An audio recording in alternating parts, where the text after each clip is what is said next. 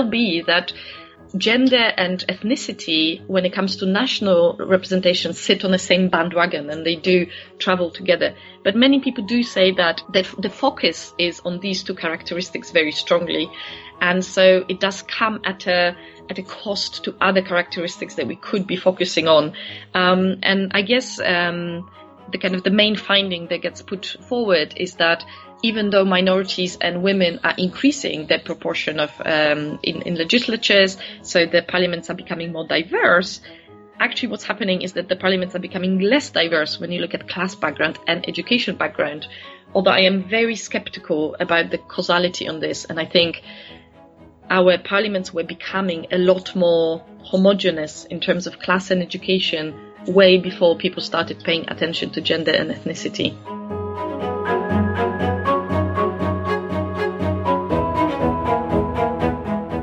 You would say, according to traditional frameworks, well, the more precarious job should articulate a more negative attitude towards immigration.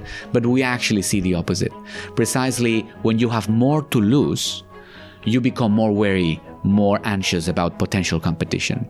So the German skilled or semi skilled worker in the car industry in Germany is more wary about immigration than the Spanish waiter, even if the Spanish waiter is in and out of jobs all the time, is in a precarious situation, and so on and so forth. So basically, immigration is not the biggest worry in that case.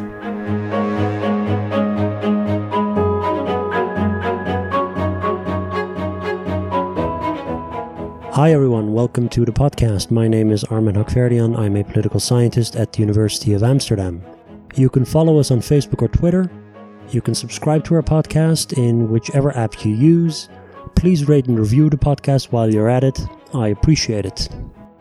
So, I have two guests lined up for you, both of them experts on immigration and elections. Maria Sobolewska and Sergi Pardos. I hooked up with them while I was at that EPOP conference in Glasgow. I spoke to Sergi right there and then. Uh, my schedule clashed a bit with Maria, so we hooked up on Skype uh, earlier this week. So, both of them are professors of politics. Maria is a professor of politics at the University of Manchester, and she specializes in the representation of ethnic minorities and also in ethnic minority voting behavior. She'll be uh, telling about her ongoing work in these areas. You can follow Maria on Twitter at something something without the vowels. I'll link to her account in the show notes. And I'll also link to her website where you can um, read some of the work that she's mentioning in the podcast. Sergi is a professor of comparative politics at the University of Glasgow. He specializes in immigration attitudes and political economy. During the podcast, he specifically talks about labor market competition and anti immigrant attitudes, so the extent to which particular competition for skills uh, in the labor market might foster anti immigration attitudes or not. Um, I really enjoyed these two conversations, and I hope you will too. So, without further ado, let's start with Maria and then move on to Sergi. Enjoy.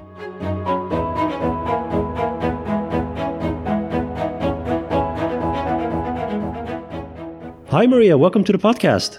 Hi, Armin. Thanks for having me. Thanks for joining me. Hey, so last time uh, I spoke to uh, Rob Ford on the book he had out, uh, Sex, Lies, and Politics. Uh, you have a chapter in there as I well, do. right? Yes, I do. He did make me uh, write him one. Can you tell us what the chapter is about? Uh, yes, so um, we have been looking, and quite a few people have been looking at these identities that now uh, relate to whether you have voted to remain or leave the EU. Um, and uh, there are many ways of measuring how strong an identity is. Mm. And one of the things that really interests me um, is whether these kind of identities create a sense of social distance between people of different tribes from the different social groups.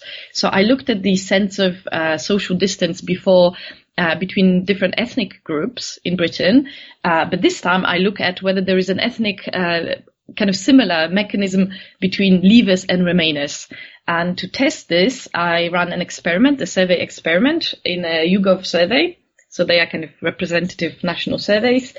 Um, and I asked people to compare two families, um, that had different descriptions uh, on on various things. And these, uh, the respondents had to choose which family would be preferable as a new neighbor. Ah, Um, okay. So they had to choose, do you want a neighbor like that, basically? Right. And amongst the many characteristics that we kind of had the classic unemployed family would not be very welcome in the neighborhood and people with four children who presumably would be problematic and loud.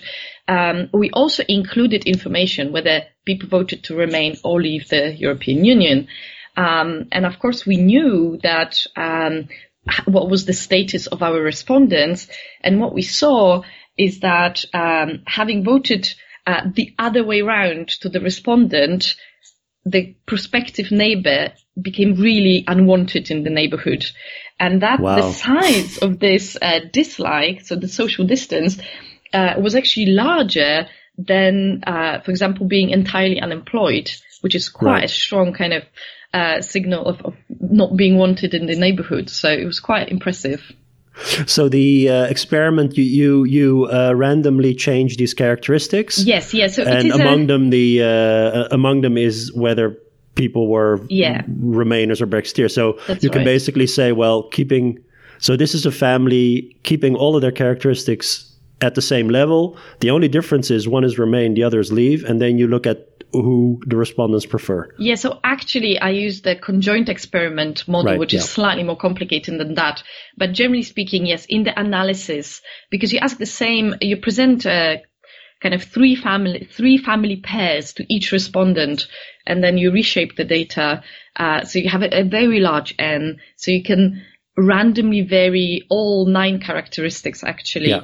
uh, at any one time. But then the uh, statistical model basically picks up what were the really significant characteristics that made the real difference to whether the family was prepared or not, and and so, so what, are the uh, what are some of the characteristics that you thought that would make a difference Hmm. that didn't in the end? Um, so I mean, I can think of a couple uh, in terms of ethnicity or in terms of religion, or does that stuff matter? Yeah, so uh, the only significant effect, and that was very close to insignificance actually, was that uh, people uh, who were uh, kind of immigrating from, from Pakistan were slightly less preferred. Um, but generally speaking, immigrants were less discriminated against than I thought they would be Okay. uh, in a kind of classic experiment, that is something that would have made a difference. Right. And we had some um, kind of class indicators, uh, cultural, especially cultural class indicators, um, such as what you would like to do in your free time. Uh, so going to a kind of a, a typical, stereotypical working class pub, uh, like the Wetherspoons, didn't make a difference, for example. Um, even for, for our middle class respondents. So that kind of speaks to this, um, dilution, if you want, of class distinctions in Britain. Right. But uh, so Brexit uh, popped out as But being. Brexit really did matter. And we had other politics in there as well. Uh, so we had your party vote. And what we found is that uh, something that I think in the first edition of Sex Lies and the Ballot Box, as it was then called, really did matter. Uh, a partisanship really didn't matter this time at all. The only effect that was significant is that people who have voted to remain in the EU did not like UKIP voting families. But otherwise, Conservatives and Labour didn't mind each other at all. So this this all goes to that um, let's say sense of, of polarization and um, Yeah. uh, yeah also also of these. I mean you hear you hear about these tales of Brexit splitting families and and all that sort of stuff. Um, Absolutely, yes, and and it really does speak to uh, this notion that now more and more people say that Brexit identities are replacing the traditional party identities. But one final question on this experiment, I think it's fascinating. Are the results symmetrical for Remainers and Leavers, or are Remainers more, um, uh, you know, let's say, uh, repulsed by a Brexit family than the other way around? Um, I think they are largely uh, symmetrical. There are very small differences, which I wouldn't say are statistically significant, apart from that one with UKIP. So Okay, the, yeah. the Remainers really didn't didn't like a UKIP voting family. So let's um, transfer to, or um, let's move on to your uh, core research agenda, which is about um, minority representation. Yeah. So basically, the ethnic background of uh, politicians, you know, both at the local and the national level. Um, first off, why does it matter what a representative looks like? What, why not focus on what they do instead of what they look like? So traditionally, I think there are two uh, main kind of uh, arguments that speak to why should we even look and count the, the count heads, if you want, in, in our representative bodies. Right. Um, the first one is to do with obstacles to representation. So let's say that we assume that our world is entirely equal and there is no discrimination whatsoever you would expect uh, a diversity of sorts at the representative level. So you would expect that if there were no obstacles to entry into politics, equal number of women and men would get in and equal number of or representative numbers of minorities would get in. And so some people think that whatever it is that happens after they join the uh, the parliament or, or local government it is not important uh, almost. What is important is that they cannot get in. Um, and so the fact that we have local government um, or national government that lacks or has very few ethnic minorities in it uh, just simply means that we are observing an effect of some kind of discriminatory behavior in terms of selection into politics. Um, and so that is one of the reasons to study it. The other reason is that there is an assumption, and there has been a normative assumption for a long time, but there is increasingly now some research showing that it might be true that representatives from um, these kind of underrepresented group backgrounds often do engage in substantive representation of these groups. So it's not something that is necessarily always the case, but they are more likely. So minority representatives are more likely to speak about race and racial discrimination in parliaments and in government. And the same goes for women representatives who are more likely than male representatives often to engage in topics deemed kind of women's interests more generally. And this is because the um, ethnic minority um, politicians have a shared, let's say, experience. Mm. Uh, as the uh, ethnic minority um, citizens. It's just that they're both ethnic minorities. One happens to be a hmm. politician, mm. the other a citizen, but they both have encountered maybe discrimination or at least are sensitive to it? Mm. So um, there were some theories on why that should be, and that certainly was one of the possibilities. The other also was that they would have a sense of responsibility. So once they get into parliament, they would actually feel like it is their duty to represent. Um, and this hasn't actually curiously been tested empirically before. Um, but I do have a paper from last year in West European politics um, which actually engages empirically with those uh, issues. So, so far, before this article in West European politics, we kind of normatively assumed um, that these were the reasons, but we had an opportunity to uh, field a survey at 2015 general elections to uh, all political candidates, and we had a sample of, of minorities in that. And we actually asked them all sorts of questions um, pertaining to these two theories of why they should want to engage in substantive representation. So we had a question on those um, kind of linked fate, shared experience uh, front, and we also asked them whether they thought it was their responsibility. Um, and these were candidates from Britain?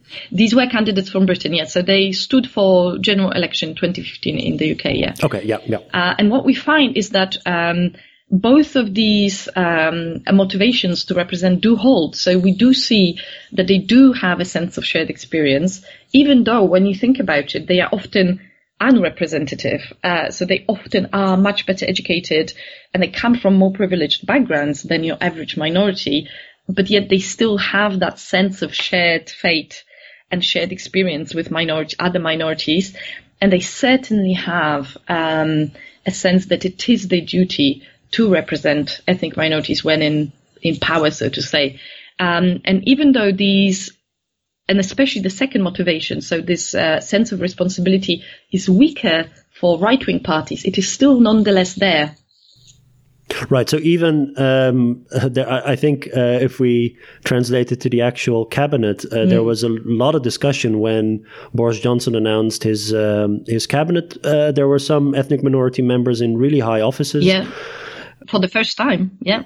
For the first time, it, uh, the most apparently it was the most diverse British cabinet yes, ever, but it is, it's yeah. it's a low bar to. Uh, Clear, yes. yes. Um, uh, so even if the debate was, well, you know, people like um, Priti Patel. Um, Yeah. They might be of ethnic minority background, but their substantive policies that they that they embrace are so Yes. to the right that it doesn't really it doesn't really matter that they're of an ethnic minority background themselves. Well, uh, so actually, uh, kind of drawing on this paper, I think it does matter because even though they are so to the right that they are nowhere near where a Labour uh, ethnic minority member would be, they are nonetheless uh, a lot more to the kind of liberal, pro-racial uh, left than their own uh, cabinet colleagues. Um, so actually, their presence in the cabinet might well mean that the cabinet is moderated very significantly in terms of what they would do uh, in terms of substantive representation uh, of ethnic minorities. So it is all relative to the party uh, from which you come. So political ideology Right. still has a huge impact, but within a conservative candid- uh, cabinet, they are much more uh, to the kind of liberal left on on race issues. Right. It's kind of like uh, saying that the current pope is uh, liberal. Yes, I indeed. mean, he's, he's liberal for standards of being a pope, but he's Yes. not. Okay, yeah. Um, and what about? So you, you, you said that the research that you, you, you mentioned, the, the West European politics paper, was uh, a survey of what these uh, candidates themselves thought. What about if you look at their actual behavior? Do they actually put more minority um, related matters on the agenda, or do they pursue more minority related uh, policies? So, so their actual behavior rather than what they might might tell you in a survey. Yes. So um, there is uh, a lot of research, uh, well, increasing number of research on substantive representation, and I must say I haven't done it myself, but I do have two PhD students who have recently completed work on this, and both of them have shown that there is an increased um, interest when on the kind of parliamentary floor in minority issues. So ethnic minority MPs are a lot more likely to ask questions pertaining to minority interests, but also mentioning minorities explicitly uh, in their questions. Uh, but also, if you go back to the Sex, Lies and Politics book, uh, one of those uh, ex-PhD students of mine, uh, Rebecca McKee, has a chapter in there, and she went beyond looking at what they do in Parliament and actually sent all MPs uh, an email asking them how to register and she was uh, pretending uh, half of the time to be a Nigerian person. Um, and she, what she found is that MPs were less likely to reply to a Nigerian constituent than to a white British constituent. And very curiously, she found that ethnic minority MPs were not at all uh, departing from that um, pattern. So if you, it does depend, therefore, how you think, what you think substantive representation is. But so ethnic minority MPs were not more likely to No. respond. Hmm. I know, it's a very fascinating finding. What do we make of that? That basic maybe in this particular case it didn't work, or because this goes against what you would think based on descriptive representation. Yeah, absolutely, yes. And in the rest of her dissertation, because this was a piece of work she's done for her PhD, and in the rest of her dissertation, which she looks at behavior in Parliament, she does find evidence of substantive representation. Okay. Um, and so I think one of the kind of caveats uh, to this is that um, she did email all those MPs before 2015 election, which means there were few minority MPs. Uh, we have since doubled the number of our minority MPs, and I think maybe that is a finding that reflects a very small sample of minority MPs. Um, but it's still a, an interesting one because when you look at what, how they behave in Parliament, what kind of questions they ask, and what they say on the floor, you often find that it is such an overwhelming uh, effect that ethnicity has on what they say that I am still very surprised by the kind of lack of extra responsiveness. And of course, this also goes against this uh, strand of US research um, that shows evidence of surrogate representation. So members of parliament or Congress, in the case of the US, who are not representing a certain district, they would still respond to black African American constituents within those districts that they do not mm. represent on the basis of the commonality of race. Even though they don't have any direct uh, electoral incentive yeah, to do yeah, so. Yeah, yeah, um, so it is, yeah. So that's why it does surprise me still that she doesn't find any any kind of preferential treatment effects. Right. So, so what about the other side of this relationship between, um, uh, let's say, uh, representatives and the represented? Do ethnic minority voters vote more? Are, are they more likely to vote for ethnic minority candidates or not? Or do do voters um, appreciate, let's say, being represented by someone with a shared background? Mm. So, when you ask um, ethnic minorities in opinion surveys, uh, you do often find that they say we need more ethnic minority representation and uh, ethnic minority representatives would be better at uh, representing us. However, the existing research looking at um, whether that translates into votes finds very little evidence that it does. So in 2010, we've done a paper with Steve Fisher and Nicole Martin has done a newer paper as well on that. And what generally is found that the effects are very small and that the political party will trump ethnicity effects. So generally speaking, um, minorities are more likely to vote Labour. And so if they were in a situation where the only minority candidate available is not from Labour, they are still more likely to vote Labour. Um, and I think the only effects that were significant were to do with Muslim communities but I think they were negative. So I think uh, it was the other minorities were less likely to want to vote for a Muslim candidate. So, if I get that correctly, um, a um, ethnic minority voter yeah. uh, prefers a white Labour MP over a ethnic yeah. minority Tory yeah. MP. Yes, because of the difference in substance between the two parties. Absolutely, yeah. And uh, as you probably know, um, because I think this is uh, the case all over the world, almost the ethnic minorities generally prefer left-wing parties, and that is a very strong effect here. Ethnic minorities vote for the Labour Party still to this day in enormous numbers. Right.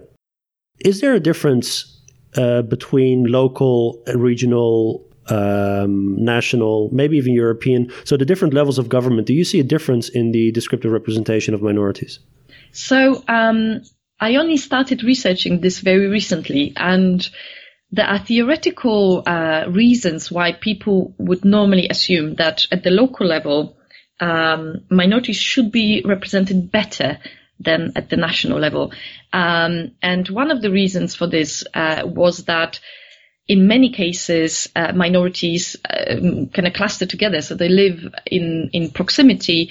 And so, given that we have an electoral system that is very um, strongly rewards geographical clustering, you would think that it would be much easier to elect um, ethnic minority councillors in ethnic minority dominated uh, localities. Um, however, what I have found when I started looking into it is that we didn't really know actually um, what was the state of representation at the local level with any amount of certainty because um, the estimates were based on surveys rather than actual counting of um, heads that we do for the national level. And of course, the reason for this is because we are now talking about tens of thousands of councillors rather than 650 MPs.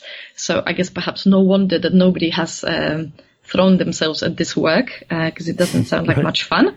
But I have now. Yes. and what I have found actually very surprisingly is that the local level is almost at the exact same level of representation as the national level. Um, and this is surprising because you would think that it would be easier to get into power at the local level. And so I think it really speaks to the fact that at the national level, we are currently experiencing a bit of a kind of additional mobilization by the political parties to recruit ethnic minority MPs. So both our national, uh, main national political parties are very committed and therefore they create this additional demand for ethnic minority representation. Whereas at the local level, what we find is that it is still very much limited to those areas that are highly uh, kind of ethnically diverse. So at right. the national level, especially for the Conservative Party, because it doesn't really win any seats where minorities are, are present in huge numbers, they actually will put candidates uh, of ethnic minority origin in constituencies that are very white, uh, dominated by white people, uh, and they are conservative safe constituencies. So they'll actually Ah, yeah, parachute right. these candidates in. Whereas at the local level, this doesn't happen. At the local level, what we see is that representation for areas that are you know, more than 50% um, people living there are ethnic minority origin. These areas elect a lot of ethnic minority councillors. But if you look at areas that are dominated by white British people, there's almost no representation of minorities.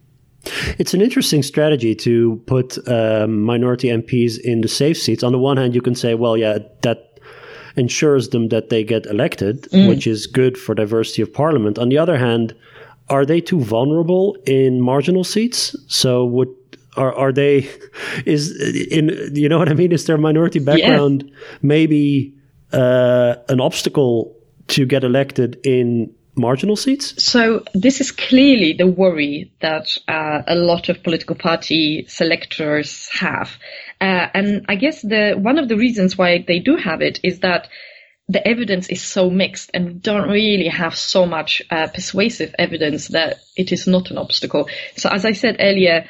Uh, when we look at uh, minority background, we normally don't find huge effects if we look at uh, surveys. So voters do not really declare very strong dislike, and generally speaking, the political parties uh, trump ethnicity.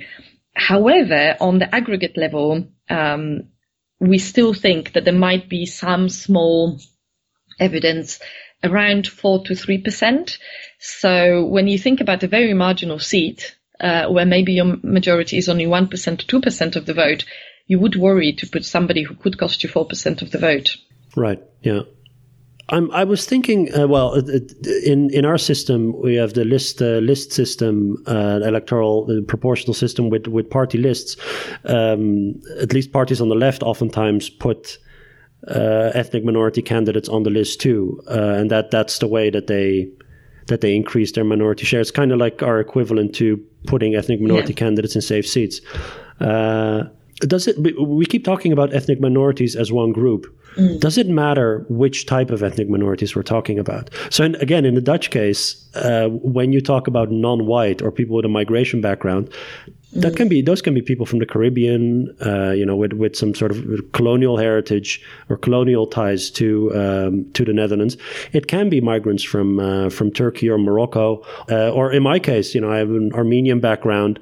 Uh, we have a party a migrant party that is um, dominated by people with Turkish origin. Now, I can tell you that the Armenian community in the Netherlands is not really keen on voting for, for this party because of uh, obvious uh, hostilities in the past.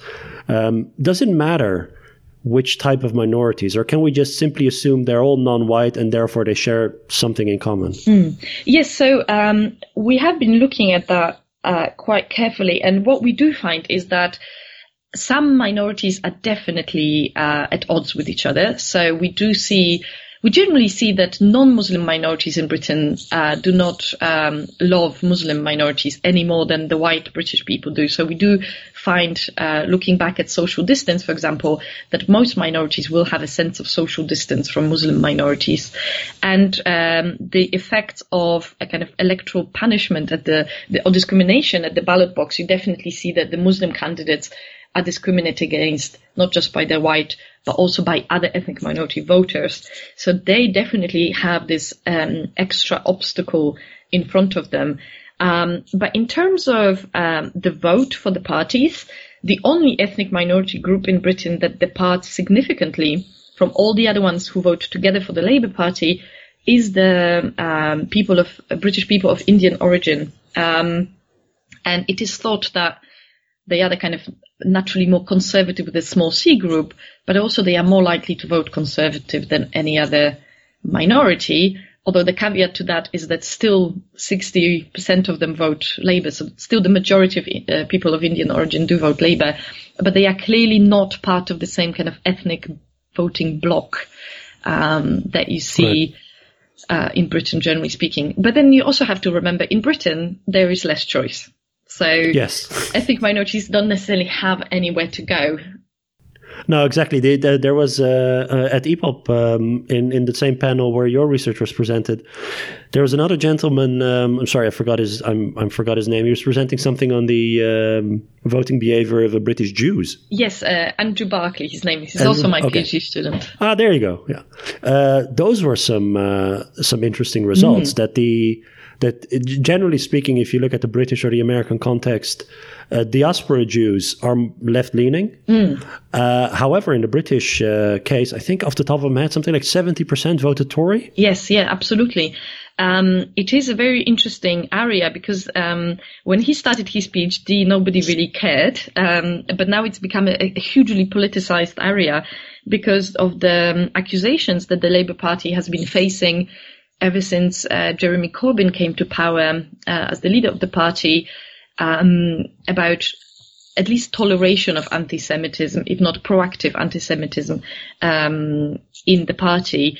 And what we, so Andrew is writing a PhD about it, and we have uh, published a paper with Andrew in electoral studies this year, showing that um, the British Jews really dislike Jeremy Corbyn. So before Jeremy Corbyn's arrival at the scene, um, they were quite evenly split in terms of their party choice. However, that new leadership, uh, with all those allegations, um, has definitely made a difference.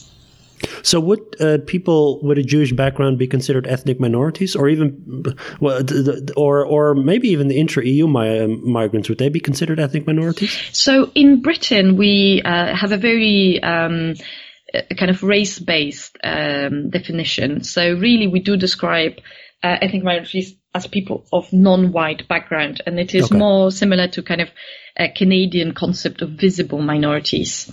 Um, but in our um, kind of uh, research, we are now increasingly looking at people of immigrant origin. Um, they are much harder to to poll, uh, obviously, because they are uh, slightly more spread around the country uh, and harder to pick up. Also, when you think about people of um, white origins that are immigrants um, in this country, what you often find is that the vast majority of them are from Ireland. And even though now we do have a census question, in the census question, we do ask whether they are of Irish origin. Um, we normally f- think that it is a huge underestimation because the Irish people born in this country or who have lived here for a long time often will feel British a lot quicker and they won't be distinguishable ne- necessarily in terms of their name and the culture mm. from um, from the white British. Um, and the rest of the kind of the bulk of the, the newer immigration, like Polish people, etc., they often are still quite uh, transient migrants. So they often don't think they are here to stay, and so they wouldn't necessarily participate in public opinion research to the same extent. Uh, they have quite low levels of um, naturalization, uh, turnout, and all all of that. Right. Oh, uh, how did ethnic minorities vote in the Brexit referendum? By the way. Um, so the problem with minorities nowadays is that we have little reliable data, okay. but uh, based on the best available source, which is Understanding Society survey, uh, which is not a politics survey, but it does ask, thankfully, how did you vote? Um, we how think, can it not? Yes, well, actually, it didn't until very recently. So, oh, okay. uh, um, so we think that they were much more likely to vote for Remain, but again, not nearly as much as people assumed. Um, and part of the reason is that we think uh, minorities don't identify as European almost at all. Okay. Um, so even though British generally didn't ever identify as European in huge numbers, uh, that is even lower amongst minorities. And again, to mirror the party choice, the um, uh, British people of Indian origin were more likely to vote Leave. So, to what extent does this all uh, generalize to uh, other countries in Europe? Mm. So, the tendency to vote for left wing parties by minorities um, is generalized uh, to what we know. So not many countries have very good research on that, and some of them have started doing kind of uh, in earnest research into minorities and people of immigrant origin recently. Um, and of course, some countries do not um, believe in looking at minorities um, at all. Um, in some countries, you're not allowed to poll them. Yes, exactly. Yeah, certainly not on the basis of, of, of race and their visibility.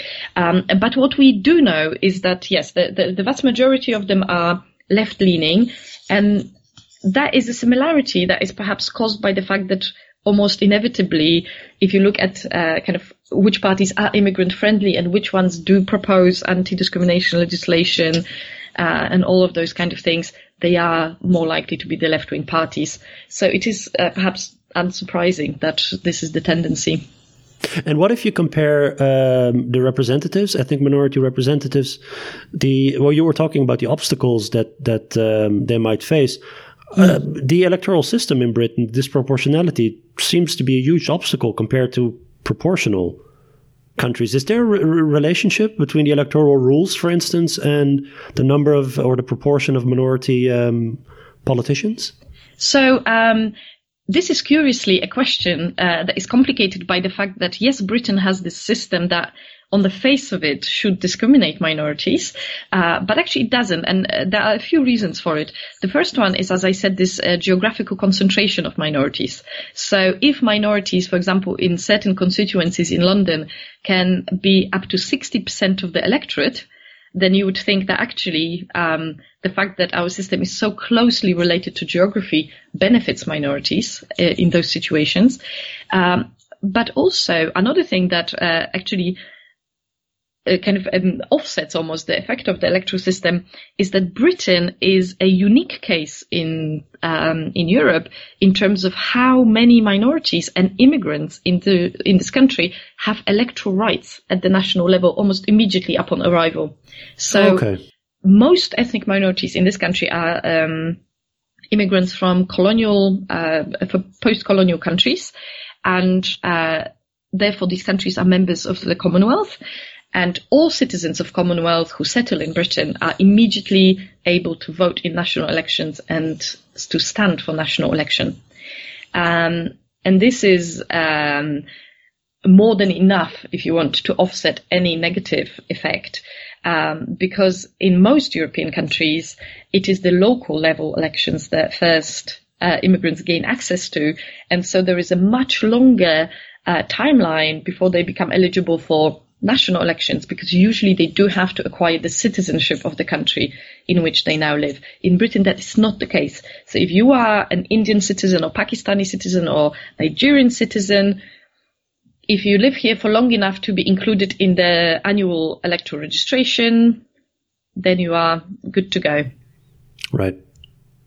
And um, finally, one more question on this uh, descriptive representation. So you focus on the ethnic minority background of uh, a candidate and whether or not that matters for how they represent their constituents, for instance, or their groups. Um, does this generalize to other characteristics of politicians, their their age or their gender, mm. or their education background, or their working class background, or you know, is this is this should we in general care more about what politicians or who politicians are rather than just which party they uh, represent. Mm.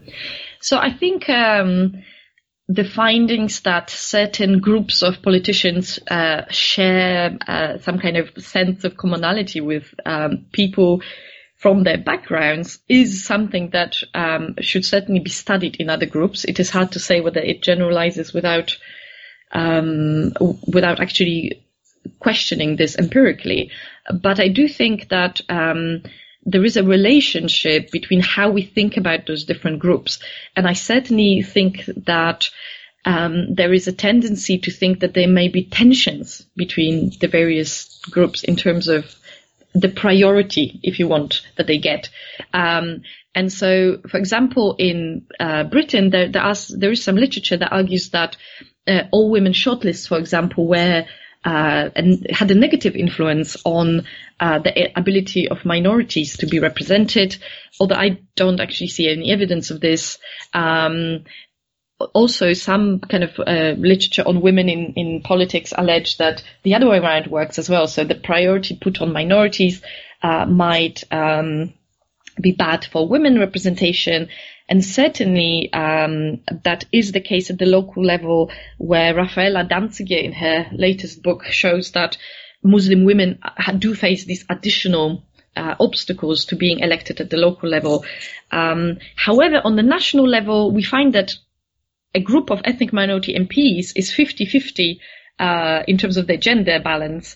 Uh, and of course, the, the overall representation is much lower. It's about 35% of women in par- in British right. Parliament overall. So actually, there might be some way of uh, helping each other on the way. I think, uh, yeah, I think, I think in the Netherlands you see you see the same. If you look at intersections of mm. um, mm. of race and gender, uh, my colleague Liza Mügge has, I think, done some research on this. That um, ethnic minority women mm. were more likely to be in parliament than ethnic minority men. Yeah, yeah. So it could well be that gender and ethnicity, when it comes to national representation, sit on the same bandwagon and they do travel together. But many people do say that it. Um, the, the focus is on these two characteristics very strongly. And so it does come at a, at a cost to other characteristics that we could be focusing on. Um, and I guess, um, the kind of the main finding that gets put forward is that even though minorities and women are increasing their proportion of um, in, in legislatures, so the parliaments are becoming more diverse.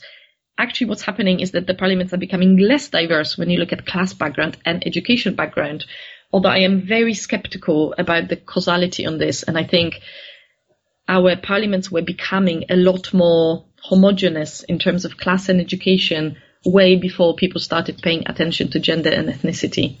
Yeah, yeah, yeah, yeah, for sure. Yeah, I think I, I only know the Dutch case in this regard. Uh, ethnic minority representation is a really recent thing. Mm whereas the, um, the the transforming socioeconomic backgrounds of MPs that is a lot a lot longer in the making. Yeah, absolutely. Um, but on the local level, I have done.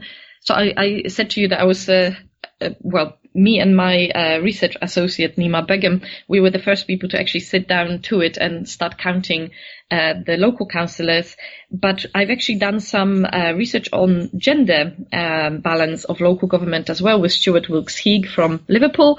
And what is fascinating is that even though we think that maybe on the national level, gender and uh, ethnicity sit on the same bandwagon, I actually think that at the local level, they are very, very different. And when we tried to predict with various models what predicts gender uh, diversity and ethnic diversity, we found that there was very little overlap in the predictors that we had. And almost the only predictor that worked for, for both um, gender and ethnicity was whether it was an urban, uh, basically seat. So metropolitan seats are both gender diverse and uh, ethnic, ethnically diverse. But otherwise, it is very, very different kettle of fish on a local level. Right. Maria, thank you so much for your time. That was really interesting. Thanks so much for having me. I enjoyed it. Please come back on again. We, we have to Will talk do. about these things for longer because this uh, can go on forever and ever. Thanks a lot, Armin.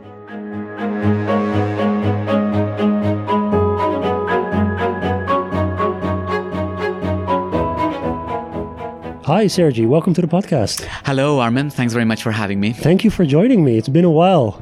I know. Yeah, um, we, we, we're growing older. we are Especially me. You look like always, but. Um... No. You're going to start off with a lie? All right. Um, so, your research it, it deals a lot with how people think of immigration. That's right.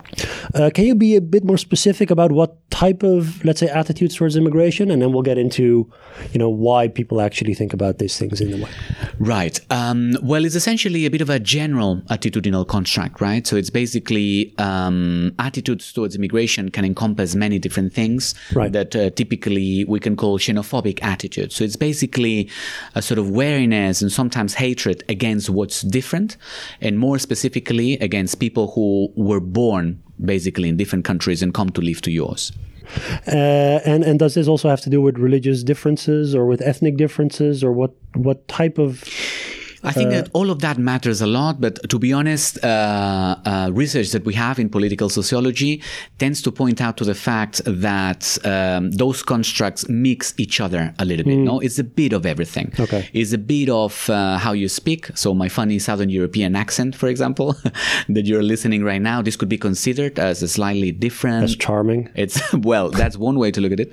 Uh, but but indeed, religious differences, Yeah. uh, phenotypical differences, racial differences, all of that mixes up in a single continuum of difference. Then whatever you or I or our friends or whoever consider different may vary from one place to the other, right? So then we talk about anti-immigrant attitudes referring to this wariness or anxiety about what's culturally or ethnically different. Right. And then the question is why are some people um, more hostile to immigrants than others? And you're not the first to study this problem. uh, what's out there in terms of theories about why people foster anti immigrant attitudes? Well, look, there's so many theories out there, right? Because as you say, this is a big topic that has been spanning for decades now in the social sciences. So perhaps to, you know, one typical way to categorize or to simplify a bit the, the bunch of theories out there is to classify them in two groups. Um, there's the cultural type of theories and there's the economic type of theories. Then uh, recently, the cultural framework is gaining or has gained a lot of traction. It is a very credible way to explain why people become sort of a bit more anxious about the newcomer, about the immigrant, about the foreigner. And essentially, cultural attitudes are a bit of a heterogeneous group of theories that talk about identity, um, cultural values wariness against uh, different lifestyles, different accents, a bit that sort of religious ethnic component that you were talking about. And essentially, you know, very basic predictions in political science would be like, for example, the more attached you are towards your in-group, uh, i.e., the more nationalist you are, or the more sort of like English or British or Dutch or Spanish you are, the more hostile is going to be your attitude against newcomers Yeah. that do not share that specific identity component. Right. The other of the two major, oh, there's probably a lot more, but the other one has to do with competition on the labor market, right? More economic Exactly. sort of explanation. Exactly. So while cultural explanations very much based on uh, the generation of identity, socialization, Yeah. which uh, cultural values you inherited when you were young in the household, uh, again, nationalism, these sort of things that sometimes we're not always able to explain the origin about it, but we know that they are important predictors of anti-immigrant attitudes.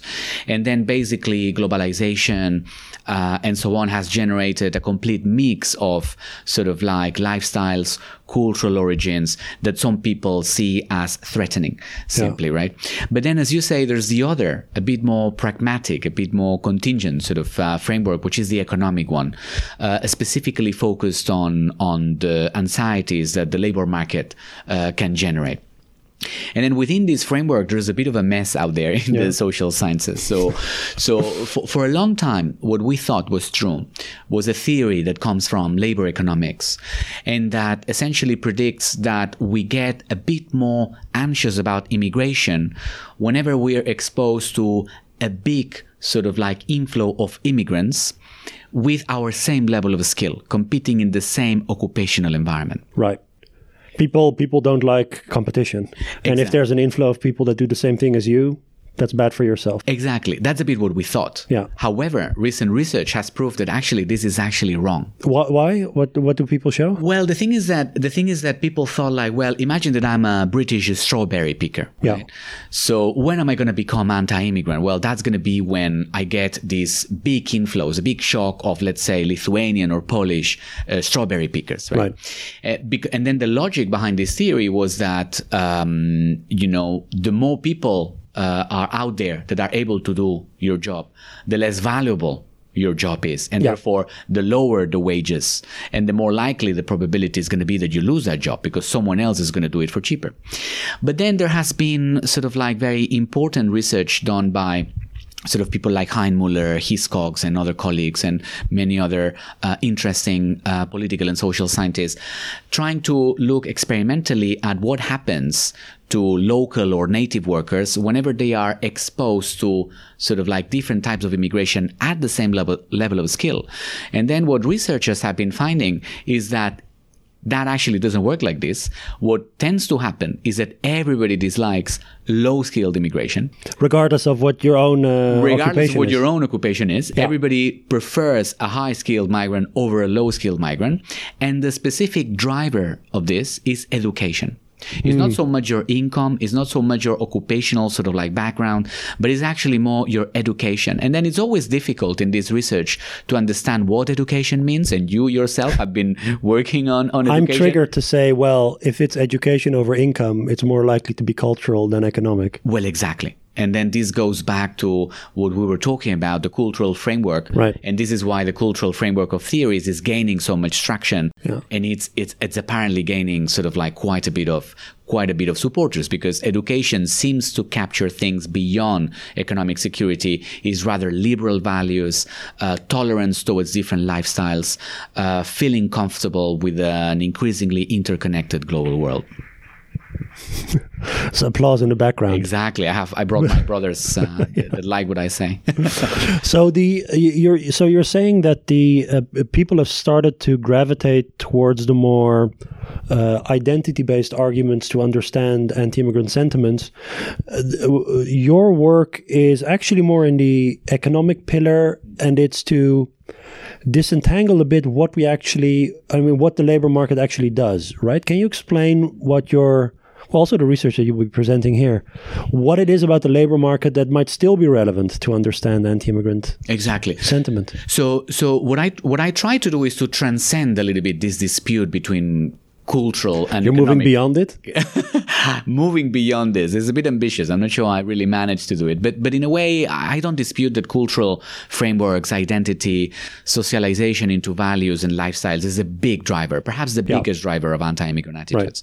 However, what I try to do in my research is to try to reconceptualize a little bit what's going on in the labor market, and rather than ditching completely those economic explanations, is trying to sort of like look at them and see whether we actually have been looking at the economic framework in in the wrong way.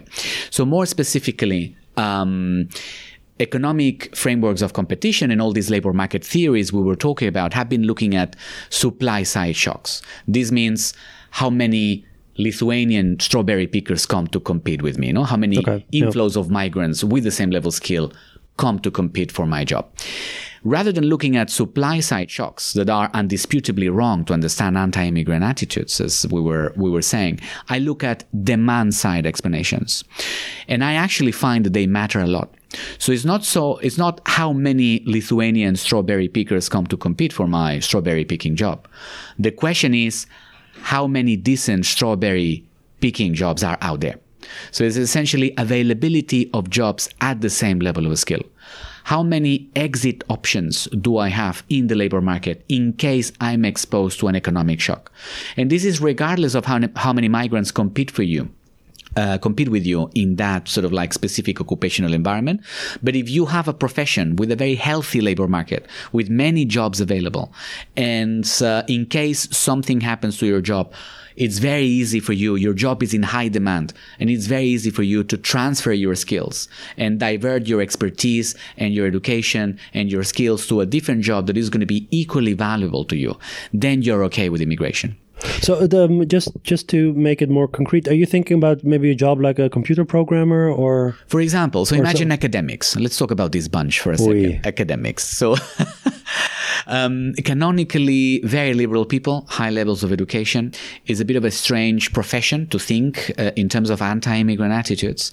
But if you really think about it, if you look at how academic job markets work in European continental uh, uh, and continental Europe uh, traditionally, they are some of the most closed job markets in the whole labor market spectrum against foreigners.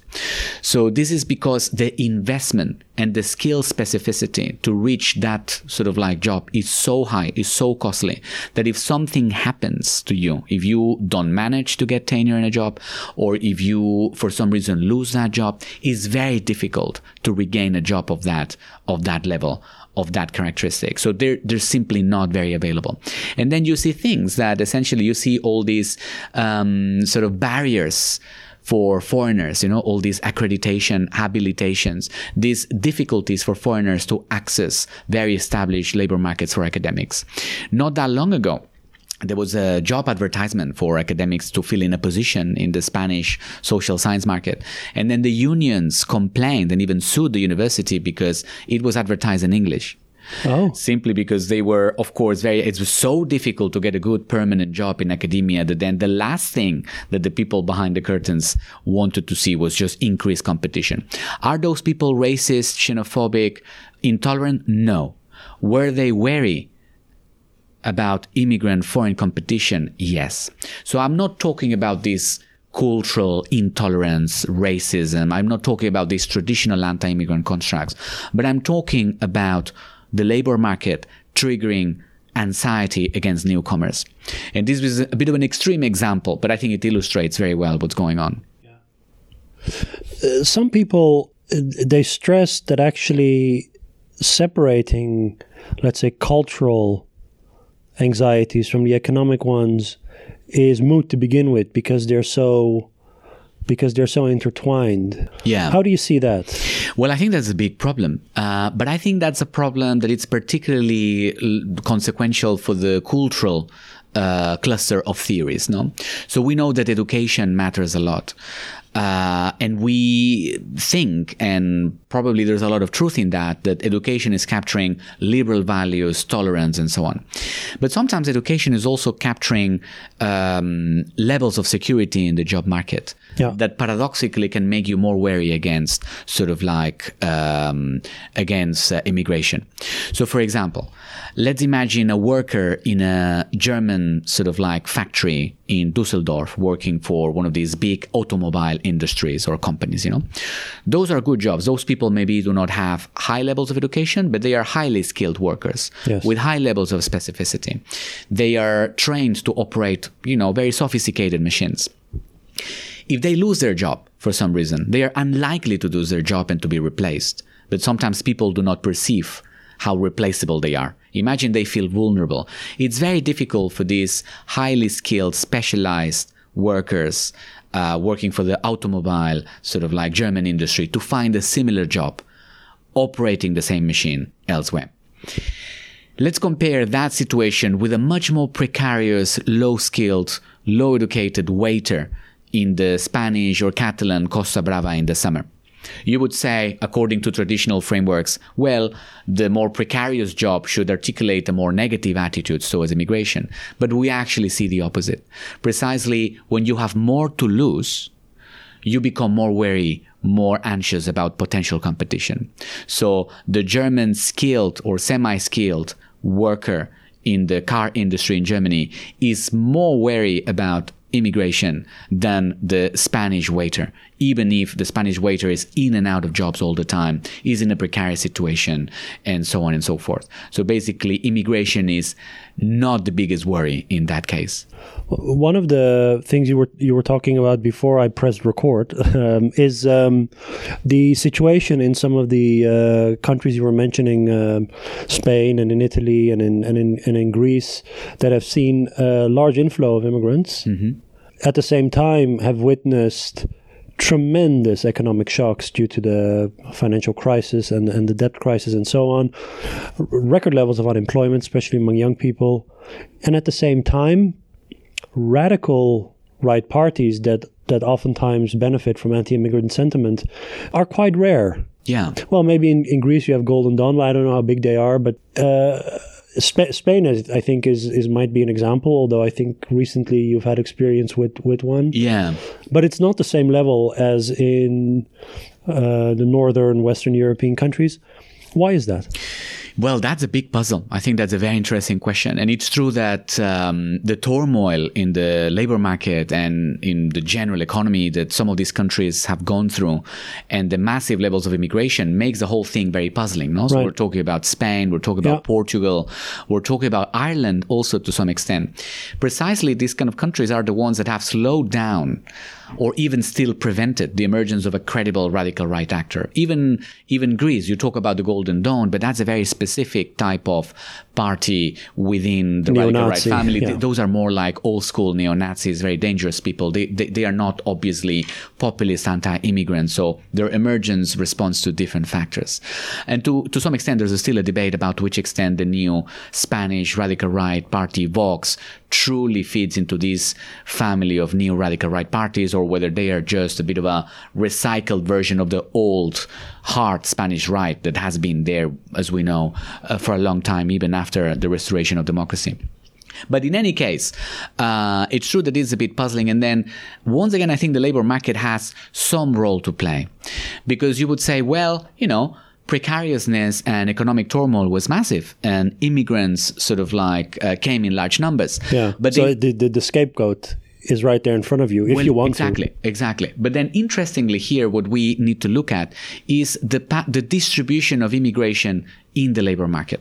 And Spain is a beautiful example that also feels very familiar to me that I've been studying quite a bit. Um, and essentially, you see that migrants have clustered, have selected, have ended up in the worst environments in the labor market. Then, while you could say, well, this is actually problematic because then, you know, people working in those occupational sectors, they're going to get a bit anxious about immigrants competing for those jobs. But interestingly, when migrants cluster at the periphery of the economy and they actually end up in the jobs, especially in these very dual labor markets, as they are called, with large numbers of unemployed, temporary, non-standard, precarious kind of contracts. Uh, when migrants cluster in these sort of occupational environments, they paradoxically, if you will, become less threatening. Why is that? Well, nobody wants those jobs. So the classical labor market competition here doesn't exist. The, the dream of a native sort of like Spanish worker is to get a permanent job. Migrants are not in those right. permanent protected jobs. You don't see migrants uh, as a barrier to access those jobs. Yep. If anything, those jobs are only for local native workers. And then there's a second aspect related to economic redistribution. In highly dual, highly precarious labor markets, economic redistribution, so what you get from the welfare state, is a function of past contributions. These occupational environments where people have been long, a long time unemployed or in and out of jobs or with temporary contracts. Those people generate very little contribution. And unfortunately, they also in exchange get nothing from the welfare state. Right. Yeah. In Spain and in canonical dual labor markets like the Southern European one, middle classes contribute and middle classes receive from yeah. from the welfare state. And migrants are completely out of these redistribution deal. Right, yeah. So the ethnic penalty of economic redistribution is essentially zero. And I think I'm not saying that this is the main reason, but that definitely contributes to why immigrants being at the periphery of the economy are actually not threatening it not threatening at all. They do not compete for the good jobs. They get nothing from the welfare state. Therefore, they're actually not that visible in the good occupational environments. Can you translate this um, framework that you have to explain anti-immigrant sentiments based on like really specific labor market characteristics of people yeah. to, for instance, explaining other things like whether or not people voted for Brexit or whether mm. or not they vote for a, a populist party or not? Or yeah, does this, does this have traction in other in other areas? Yeah, definitely. Well, I think that uh, that uh, Brexit is, of course, a different way to say uh, anti-immigrant sentiment, and I know that it's a bit more well. complicated. but but Brexit, uh, Brex- uh, you know, one of the main drivers uh, naturally was was anxiety about immigration, free movement, and all of those things. Not only, but but one of the one of the main ones. And then, of course, anti-immigrant attitudes are the the prequel of radical right voting to the extent that radical right populist voting is essentially voting for an anti-immigrant party. They are almost single issue, single issue parties. So I believe this is why I make the extrapolation of why the radical right pole uh, in the political spectrum of Southern European and to some extent Irish sort of like politics hasn't appeared or has been slowed down to a puzzling extent in comparison to some Western European countries. No? So to some extent, I think that this uh, distribution of migration in the labor market and this um, lack lack of exit options in the labor market whenever something bad can happen to you. This is very much behind. Um, this is very much behind uh, sort of like sort of like anti-immigrant sentiment. And interestingly, this transcends these old sort of like distinctions between the rich versus the poor, right? So once again, I think that the example yeah. of the highly skilled, relatively decent income relatively sort of like uh, uh, well-trained worker in the German car industry is has more to lose and is actually more wary against immigration than the very precarious sort of like uh, worker in the Spanish sort of like touristic areas Yeah. that is working next to many migrants. But those are not the threat. The threat is different. Is the access to better jobs and better prospects. Yeah. Sergi, thanks so much for explaining all this stuff. Thank you. Um, if people want to follow you um, or follow your research, uh, they can uh, use Twitter or your website. Yeah, so uh, my website is, is, is out there. So if they Google Sergi Pardos, uh, hopefully it will pop up. And, and I sometimes tweet uh, at, at Sergi Pardos. Excellent. Thank you so much. Talk to you soon. Thank you. See you soon.